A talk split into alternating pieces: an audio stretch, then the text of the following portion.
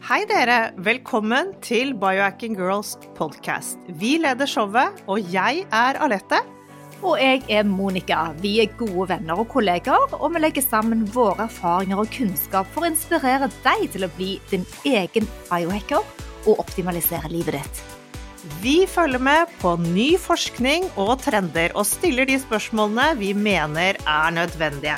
Ja, vi deler informasjon om biohacking, life coaching og fitness, og vi håper at du vil føle deg inspirert og klar til å ta et tak for å komme i den beste helsemessige form. Velkommen til Biohacking Girls podcast.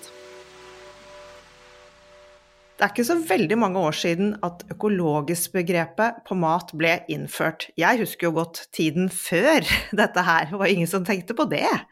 Men kjennetegnet på økologisk mat var og er fortsatt at det brukes minimalt med tilsetningsstoffer og plantevernmidler. Nå er vi veldig vant til å se dette Ø-merket på mat i butikken. Ordet økologisk har en positiv klang, og vi føler at vi gjør noe riktig når vi velger økologiske produkter fremfor de konvensjonelle. Ja, og i dag har vi lyst til å snakke litt om mange av ordene og begrepene og merkelappene som blir brukt for å vekke kjøpelysten til oss forbrukere. Det er en ren markedsføringsstrategi, og den spiller på følelsene våre. Ordene skal vekke assosiasjoner på at vi foretar noen gode handlinger selv når vi shopper. Industrien gjør det meste for å få oss til å føle oss litt bedre som konsumenter. Men med kunnskap så kan vi nok både føle oss bedre og ta klokere valg, men det gjelder å vite hva som er hva. Velkommen til ukens episode. Hva betyr det egentlig å være bærekraftig, å være miljøvennlig eller miljøbevisst? Kan vi stole på butikken, kan vi stole på bedriften, at de har helt rett når de påstår at ett produkt er mer miljøvennlig enn et annet? Jeg er skikkelig forvirret her selv, jeg, Monica. Det er en Mhm. jungel, og det er masse å, å, å ta tak i. Hva er det som er ekte, og hva er egentlig bare grønnvasking? Vi lar oss lett friste av ord som naturlig, grønt, plantebasert, vegansk, resirkulert, regenerativt, biodynamisk og økologisk. Ja, dere skjønner. Listen er lang med nye ord som skal friste oss til å kjøpe produkter og mat. Hva ser du etter, Monica, når du er ute og handler? Hvordan navigerer du i denne jungelen? Ja, først må jeg bare si at jeg mister nesten pusten når du leser opp alle de der. Og hvis du går inn på en hjemmeside som vi skal legge link på etterpå, og ser hvor mange typer sertifiseringer det er Altså, jeg kan ikke halvparten, og jeg er ikke opptatt av halvparten, og jeg lurer på om mange av de er bare svader. Men um, jeg ser ofte etter ett uh, godkjenningsmerke som er den Ø-en, bokstaven Ø, for økologiske produkter. Og det er jo et nett- eller rettsbeskyttet uh, begrep. Og man kan føle seg trygg på at varen da er økologisk, så det er greit å se etter. Uh, og dette merket brukes også på biodynamiske produkter, siden du nevnte det, uh, og alle norske bønder kontrolleres jo nå etter disse økoreglene. Reglene er basert på en sånn felleseuropeisk regelverk som ble innført i år, i januar, men den trådte i kraft nå i sommer, 26. Så du ser det på den grønne sirkelen at det står økologisk over og under, og i midten så står det ordet debio. Debio er da garantisten for at varen er produsert på den økologiske og bærekraftige måten. Så det liker jeg å se etter, men jeg er òg oppmerksom på type glutenfri, sukkerfri, vegansk, altså alle andre sånne merker, og sånn 100% naturlig. Altså, jeg kjøper gjerne disse produktene òg, men jeg er ekstra oppmerksom og leser på labelsene fordi jeg ønsker å unngå for mange skadelige eller fremmede elementer og ingredienser som ofte blir tilsatt istedenfor de rene eh, varene i produktene. Men òg plastfree, for eksempel. Jeg ble oppmerksom på det for mange år siden da jeg var på Formentera, som ligger i Balearene ved siden av Ibiza. Og det er jo en plastfri øy, og den gang så var det ganske kult med sugerør, og spesielt med sugerør av stål og, og treskje og sånn. Dette er jo blitt helt naturlig her hjemme nå. Hva med deg? Hva sa du etter av dette? Jo, um, jeg er jo, ja, som som deg, jeg er veldig glad i det økologiske merket. Det det kjenner vi jo godt, og det, det stoler jo jeg 100% på. Men jeg er faktisk blitt mer og mer bevisst på disse, ja, som du sier, vegansk, 100% ikke tilsatt sukker. Det der, alt det der er jeg veldig, veldig skeptisk til. Eh, jeg ser også etter norske produkter så godt som mulig, særlig når det gjelder mat. Da. Det er jo ikke altfor mye av andre ting. Og så ser jeg etter kortreiste produkter. Eh, eller ikke Nå tenker jeg også i mer mat, at ikke det er fraktet jorden rundt. Det tenker jeg at vi gjør en god jobb hvis vi handler lokalt. Og så prøver jeg også å handle uten mat uten så mye emballasje. Prøver å, å, kjøpe mest mulig som ikke er i plast. Det har jeg faktisk holdt på med her i sommer. Her har de torv. Her hvor jeg er på ferie, har de torv, eh, og da kan du bare plukke grønnsaker. Det er ikke plast i det hele tatt, merker det på søppelet. Og så føler jeg også at Norge er ganske dette er jo bare en følelse og en synsing fra min side, jeg er sikkert litt sånn hjernevask, men jeg føler at vi kan stole på de norske produktene. Ja, det, kanskje jeg også blir lurt, jeg vet ikke, men det er dette vi har lyst til å snakke litt om i dag. Da. Disse, alle disse forskjellige begrepene som vi alle lar oss lure av. Det er så mye nytt. Ja, og så eh, Jeg var forleden innom på Gimle økologiske parfymeri, fordi at eh, jeg hadde så lyst til å kjøpe jeg hadde lyst til å kjøpe en maskara, og jeg fant en maskara som man kunne refille da. Nå husker jeg ikke hvilket merke det var, det burde jo være Juicy, Juice Beauty. Men i alle fall, nå jeg holder på å bruke opp de kremene jeg har, og så har jeg lyst til å teste Juice Beauty. Og da ser jeg på de labelsene at uh, noe som heter Cosmos Organic, um, og svanemerket, sånn som Rudolf Care, som vi liker veldig godt, har jo svanemerke. Det er òg fornuftige ting å se på på hudpleie, da. Så jeg tester litt nå, har lyst til å teste ut litt nye ting, men iallfall velge med omhu. Men for dere der hjemme så kan dere lese mer om merking på Mattilsynets hjemmeside, og vi skal legge flere linker under. Men vi kan jo kanskje begynne litt på disse ordene. Grønnvasking, det betyr rett og slett at et produkt eller en bedrift markedsfører seg som miljøvennlige uten at de egentlig er det. Dette er faktisk noe som øker i omfang i takt med at vi som forbrukere blir mer og mer bekymret for klimaendringene og klimakrisen vi er oppe i. Det er krevende for oss å sette oss inn i alt dette, det er nesten helt umulig, og egentlig så burde vi det heller ikke. Men Det burde ikke være opp, vår oppgave å sjekke at en bedrift snakker sant, det synes nå vi iallfall. Det burde vært regulert, og det blir det sikkert også, altså etter hvert iallfall. Foreløpig er det såpass nytt og vanskelig å sjekke påstander både for deg og for, meg. Forbrukerne kan flekse med god moral og gode ideer om en mer sirkulær og bærekraftig framtid, og virkemidlene brukes ofte i form av eh, estetikk, da fargen grønn, kanskje noen hjerter, emojis eller bilder av en vakker natur, og dette påvirker selvsagt oss som går og handler, for vi ser noe som appellerer på en positiv måte. Så vi anbefaler å være skeptiske til påstandene, ikke ta alt av markedsføring for god fisk, still spørsmål, og ta gjerne en titt på hjemmesiden som heter oslomet.no. De har faktisk en del tips på hvordan du kan eh, avsløre. Ja, det trenger vi, for det er mye av det nå. Eh, og jeg vet at jeg kan la meg lure selv, jeg, når jeg går forbi en butikk eller ser noen produkter med grønne skoger, idyllisk eh, natur. Hjernen min tror jo automatisk at dette må jo være bra. Tenk på f.eks.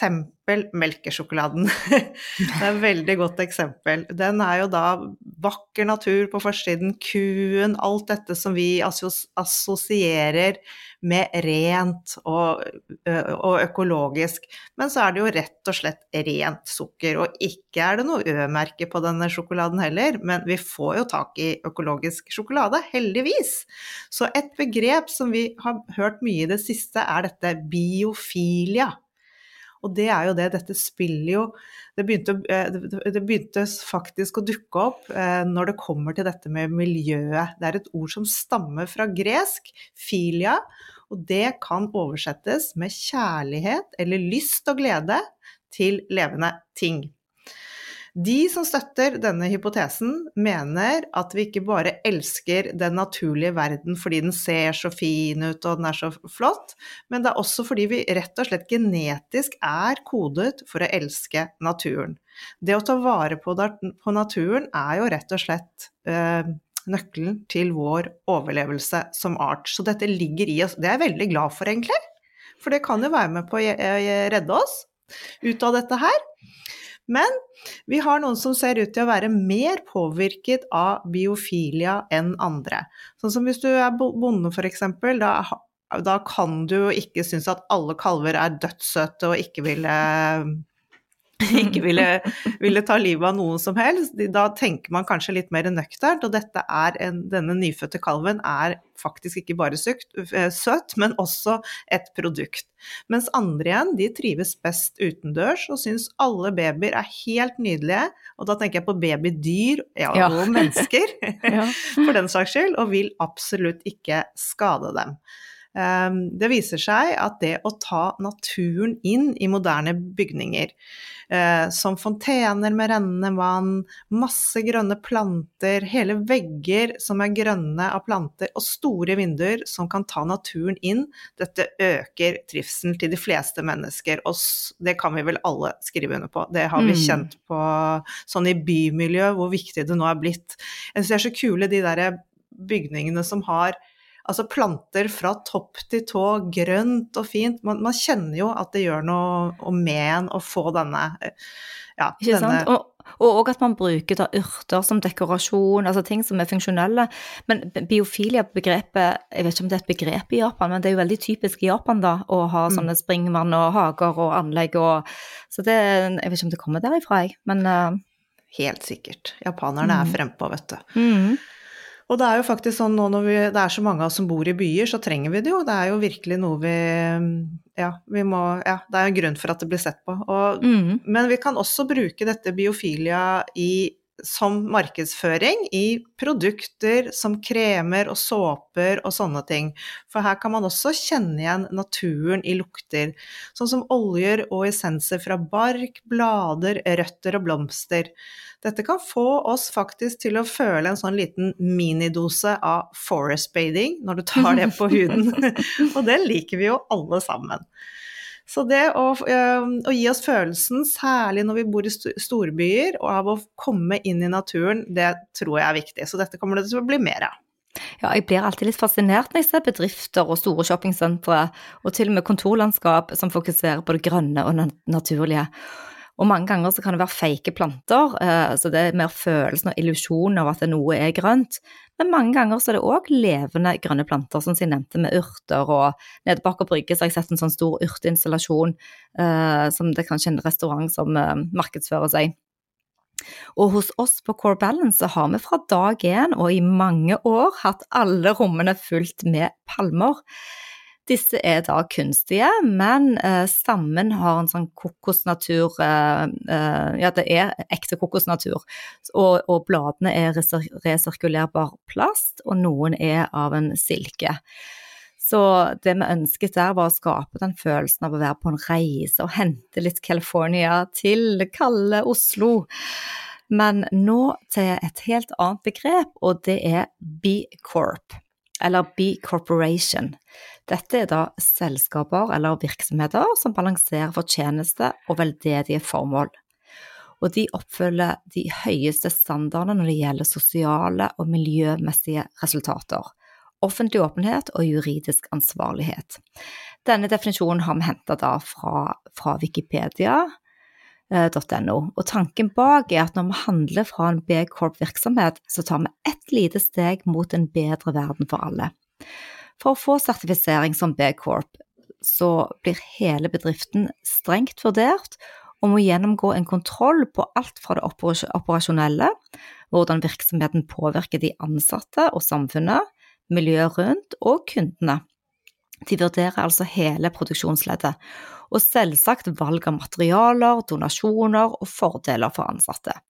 Misjonen er å binde sammen mennesker, planter og planeten vår gjennom den utrolige kraften i økologiske planter på en mest mulig bærekraftig og etisk måte. Og alt dette høres jo veldig bra ut, og det er klart det selger å ha et B-Corp-sertifikat. Vi vil jo alle være med på å gjøre jorden vi lever på grønnere ved å kjøpe produkter som, som ønsker akkurat det samme. Merking kjenner du igjen med en B, og den har en sirkel rundt seg, og ordet 'certified' på toppen og 'corporation' på bunnen. Mm. Men det er én ting med disse sertifikatene som, er, som jeg syns er litt negativt, og det er at det kan være ganske dyrt å binde seg opp til eh, å få disse sertifikatene. Så for små bedrifter, kanskje i andre land, så har de ikke alltid råd til det. Selv om de er veldig økologiske, så har de ikke råd til å gjøre den siste delen for å få dette merket. Og det skal man faktisk også være litt oppmerksom på.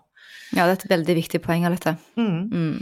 Eh, jeg har en del produkter med dette B-Corp-merkingen, og de er fine og holdbare og estetiske. Eh, men nå skal vi over på et annet begrep som vi hører veldig mye av om dagen, og det er nemlig regenerativt. Det kan virke som alle er blitt veldig glad i dette ordet de siste årene. Et skikkelig buzz-ord innen økologi. Å regenerere, det betyr i biologien å gjendanne noe som er skadet, bygge det opp igjen. Eksempel så kan vi jo se skadede organer som bygges opp igjen, f.eks. leveren vår. Eh, og dette med regenerativt landbruk, det er en landbrukspraksis som vil bygge og reparere naturens naturlige kretsløp. Her brukes det dyrking og beitemetoder som binder mer CO2 enn det det slipper ut. Dette innebærer å tilbakeføre organisk materiale til jorden, samt minimere pløying. Her bidras det også til å øke det biologiske mangfoldet ved å tilføre kompost, bruke dekkvekster og grønn gjødsel. Så ikke bare denne, ja.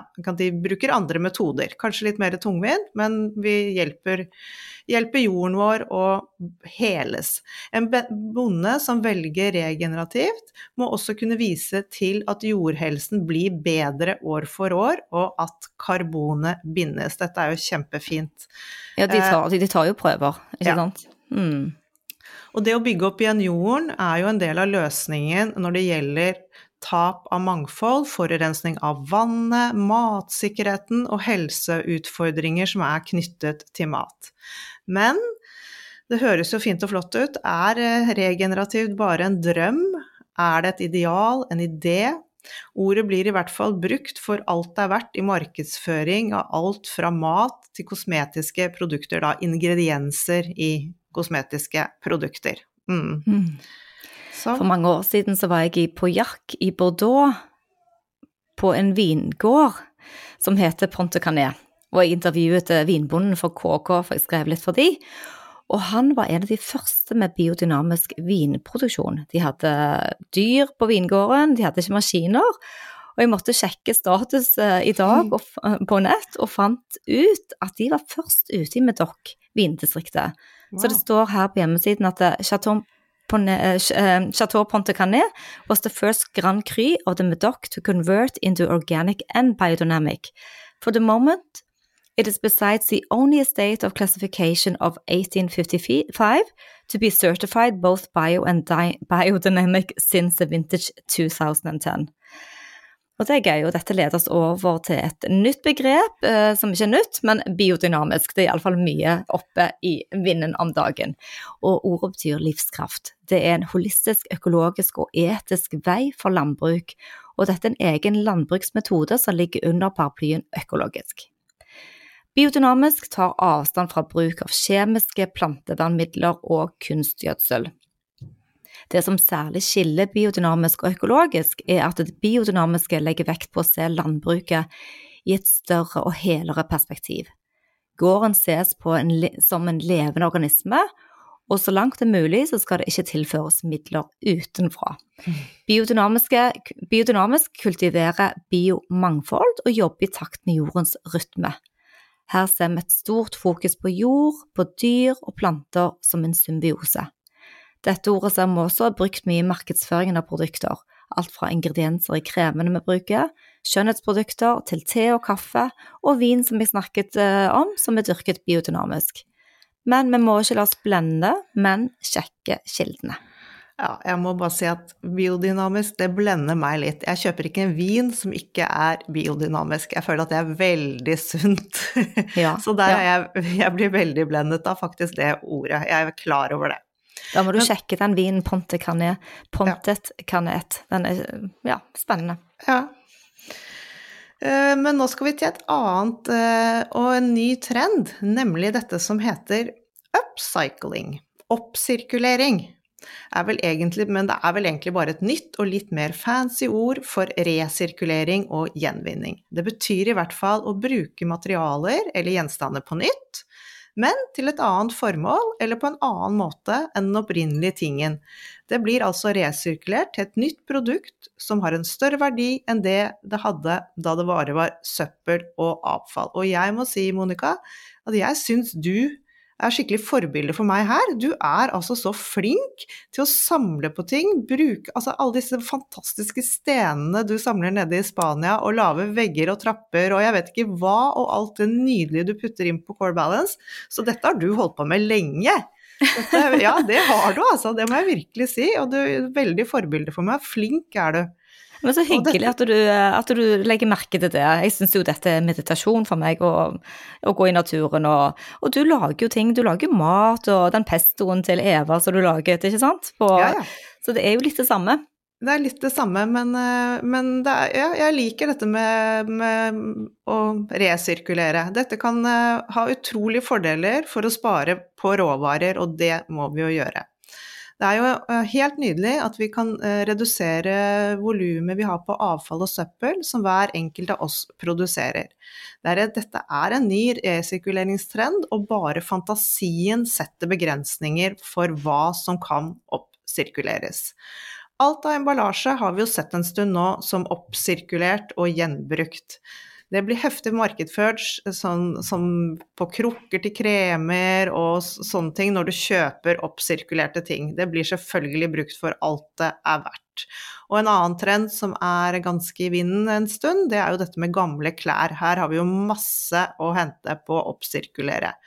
Det kan skapes nye klær eller lage stoffer som kan brukes til andre ting. Dette har vi vært, eh, vært vant til en stund, og her hjemme har vi jo blant andre Jenny Skavlan i spissen. Hun har jo gjort en kjempejobb med dette med å fornye klær. Hennes og Maurits de har også kastet seg på denne bølgen i sin markedsføring. Her føler jeg at det er veldig markedsføring og ikke, ikke så mye annet bak, men det er fordi jeg er skeptisk til Hennes og Maurits i utgangspunktet. De markedsfører med at vi kan levere inn gamle klær, og så lages de om til nye. Slogan deres er 'Let's close the loop', og på hjemmesiden får du god informasjon på hvordan du som forbruker kan delta på en trend de markedsfører som den eneste trenden verd å følge. Ja, vi skal legge en link på hvor du kan gå inn for å se det. Ja, det er jo spennende. Jeg må innrømme at jeg ikke har testet det, eh, så her kan jeg ikke dømme før jeg har vært inne og sett og prøvd selv. Det kanskje vi skal gjøre, Alette. Mm -hmm. Finne noen klær som vi kan reise Kanskje vi skal gjøre det. Ja. Gå, gå, gå, foran som et godt testeksempel. Men jeg har en haug med klær som jeg skal sy opp til et stort pledd, sånn lappepledd. Herlig. Men, eh, ja, men, eh, men, uansett, la oss gå over til en, en ny terminologi, nemlig grønn bioteknologi. Bioteknologi i sin bredeste definisjon er bruken av avansert molekylær biologi på mennesker og dyrehelse, jordbruk og klima. Regjeringen vår har lansert en satsing på et grønt industriløft som skal skape jobber og kutte klimautslipp i Norge. Grønn bioteknologi er et sentralt element i dette.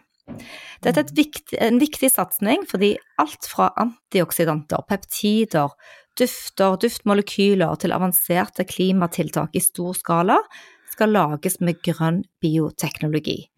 Dette er nok et felt i sin spede begynnelse, som vi kommer til å se mye mer av etter hvert, og det blir spennende å følge med. Ja, det er jo denne teknologien som, som kommer til å rase. Det er sikkert masse vi ikke vet ennå, som kommer til å redde oss også. Og det er sikkert mange andre begrep enn de vi har eh, snakket om i dag. Så, det, er jo, det, er jo, en hel haug, men disse er i hvert fall noen som vi har bedt, oss merke, som blir mye skrevet om uh, av det vi leser og følger med på. Så var, var, det dette vi følte at var gøy å kunne oppklare litt, og at vi forstår hva det betyr når vi bruker begrepet. Litt for min egen del og din del også, at vi ja, setter oss inn i det. Og jeg tenker også at når du skal ut og kjøpe noe, hva som helst, skal du begynne med en ny hudserie, skal du kjøpe vaskemidler, skal du kjøpe emballasjer, så for det første er det greit å gjøre research, men du kan jo også spørre noen som du vet er litt mer opptatt av dette. Vi har jo da eh, Camilla Skjelderup, mm. som eh, jobber for Rudolf Care. Og jeg tror ikke jeg kjøper noe uten å sende henne en SMS først. Hvordan er dette testet? Hun kan alt om svanemerking og, og, og ha det fokuset og spør noen, tørre å gå en ekstra runde før du bare sånn spontant kjøper det første og det beste du ser, det tror jeg er veldig lurt. Mm. Det er alltid godt å ha noen i, i, nærheten som man kan bruke, som kan dette her. Vi har jo den Oh Yes nettbutikken også. De som står bak den, de er jo, vet vi jo har gjort masse research, så da kan vi på en måte stole litt på det og bruke, bruke de. Ja, de har masse bra produkter, oyes.no, og vi har jo hatt Elisabeth og søsteren på en podkast tidligere, så dere mm. kan spole tilbake og høre mm. mer om uh, hvilke verdier de har legger til grunn. Så, så det, det, er mye å hente, mye informasjon der ute. Og personlig så har jeg da det siste året, altså i hele 2022, hatt fokus på å bytte ut alt som har kjemikalier. Og dette har vi jo snakket eh, mm. til det kjedsommelige om mm. på podkasten òg, med lavendel eteriske oljer under armene istedenfor deo etc. Men det er mye bra å finne på matbutikken òg, så prøv å bytte ut litt og litt. Bruke opp det du har og så se om du kan refille i så stor grad det er mulig. Og mm. lese på de labelsene igjen. Noen spesielle tiltak. Ja. ja, og ikke, ikke, fortvile. Altså, vi kan alltids bare forbedre oss, og ikke, liksom, ikke gå i den fellen at 'åh, får det ikke til, orker ikke', og så bare gi opp. Men bare tenke 'nei, én ting av gangen, og jeg prøver igjen'. Dette er gøy. Kanskje du gjør bare én endring, kanskje mm. du bare bytter ut ett produkt. Er det noe spesielt du er opptatt av på den eh, biten her akkurat nå? Eh, jeg er faktisk veldig opptatt av økologiske eh, hudpleieprodukter om dagen, jeg også. Altså, jeg vil ikke ha mer kjemikalier på meg. Og nå i sommer så snakket jeg med en som, som Ja, vi vet jo dette med uh, eddik. Hun brukte eddik både på hår, på pigmentflekker, og det funket som bare det. Og hun brukte jo selvfølgelig også til å vaske hele huset med, og det ble jeg så inspirert av at uh, det skal jeg teste. Altså, vi har en del ting vi må teste nå, både når det gjelder tannpuss med gurkemeie, og vi må ha noe bikarbonat på mm. huden, og altså, vi har en del prosjekter. Men én ting er sikkert, det er at uh, still deg iallfall et spørsmål når du går og kjøper et nytt. Når du er ferdig med en krukke med hva som helst, tenk nøye over, så du ikke bare går i den repetisjonsfellen og kjøper det samme du alltid har hatt. Mm. Så, men det er spennende. Tusen takk for at dere lytter til podkasten vår. Vi legger mange linker under her, så dere kan lese mer og studere mer. Og vi blir jo veldig glad alltid for en liten kommentar. Kanskje du har en evaluering av episoden vår. Kanskje du har noen tips på andre produkter eller ting eller merkinger vi burde se etter. Og, og rating. Vi vil aller helst ha femmere, mm. men vi håper i alle fall at du gir litt lyd fra deg. Da gjenstår det bare å si Happy, Happy biohacking. biohacking.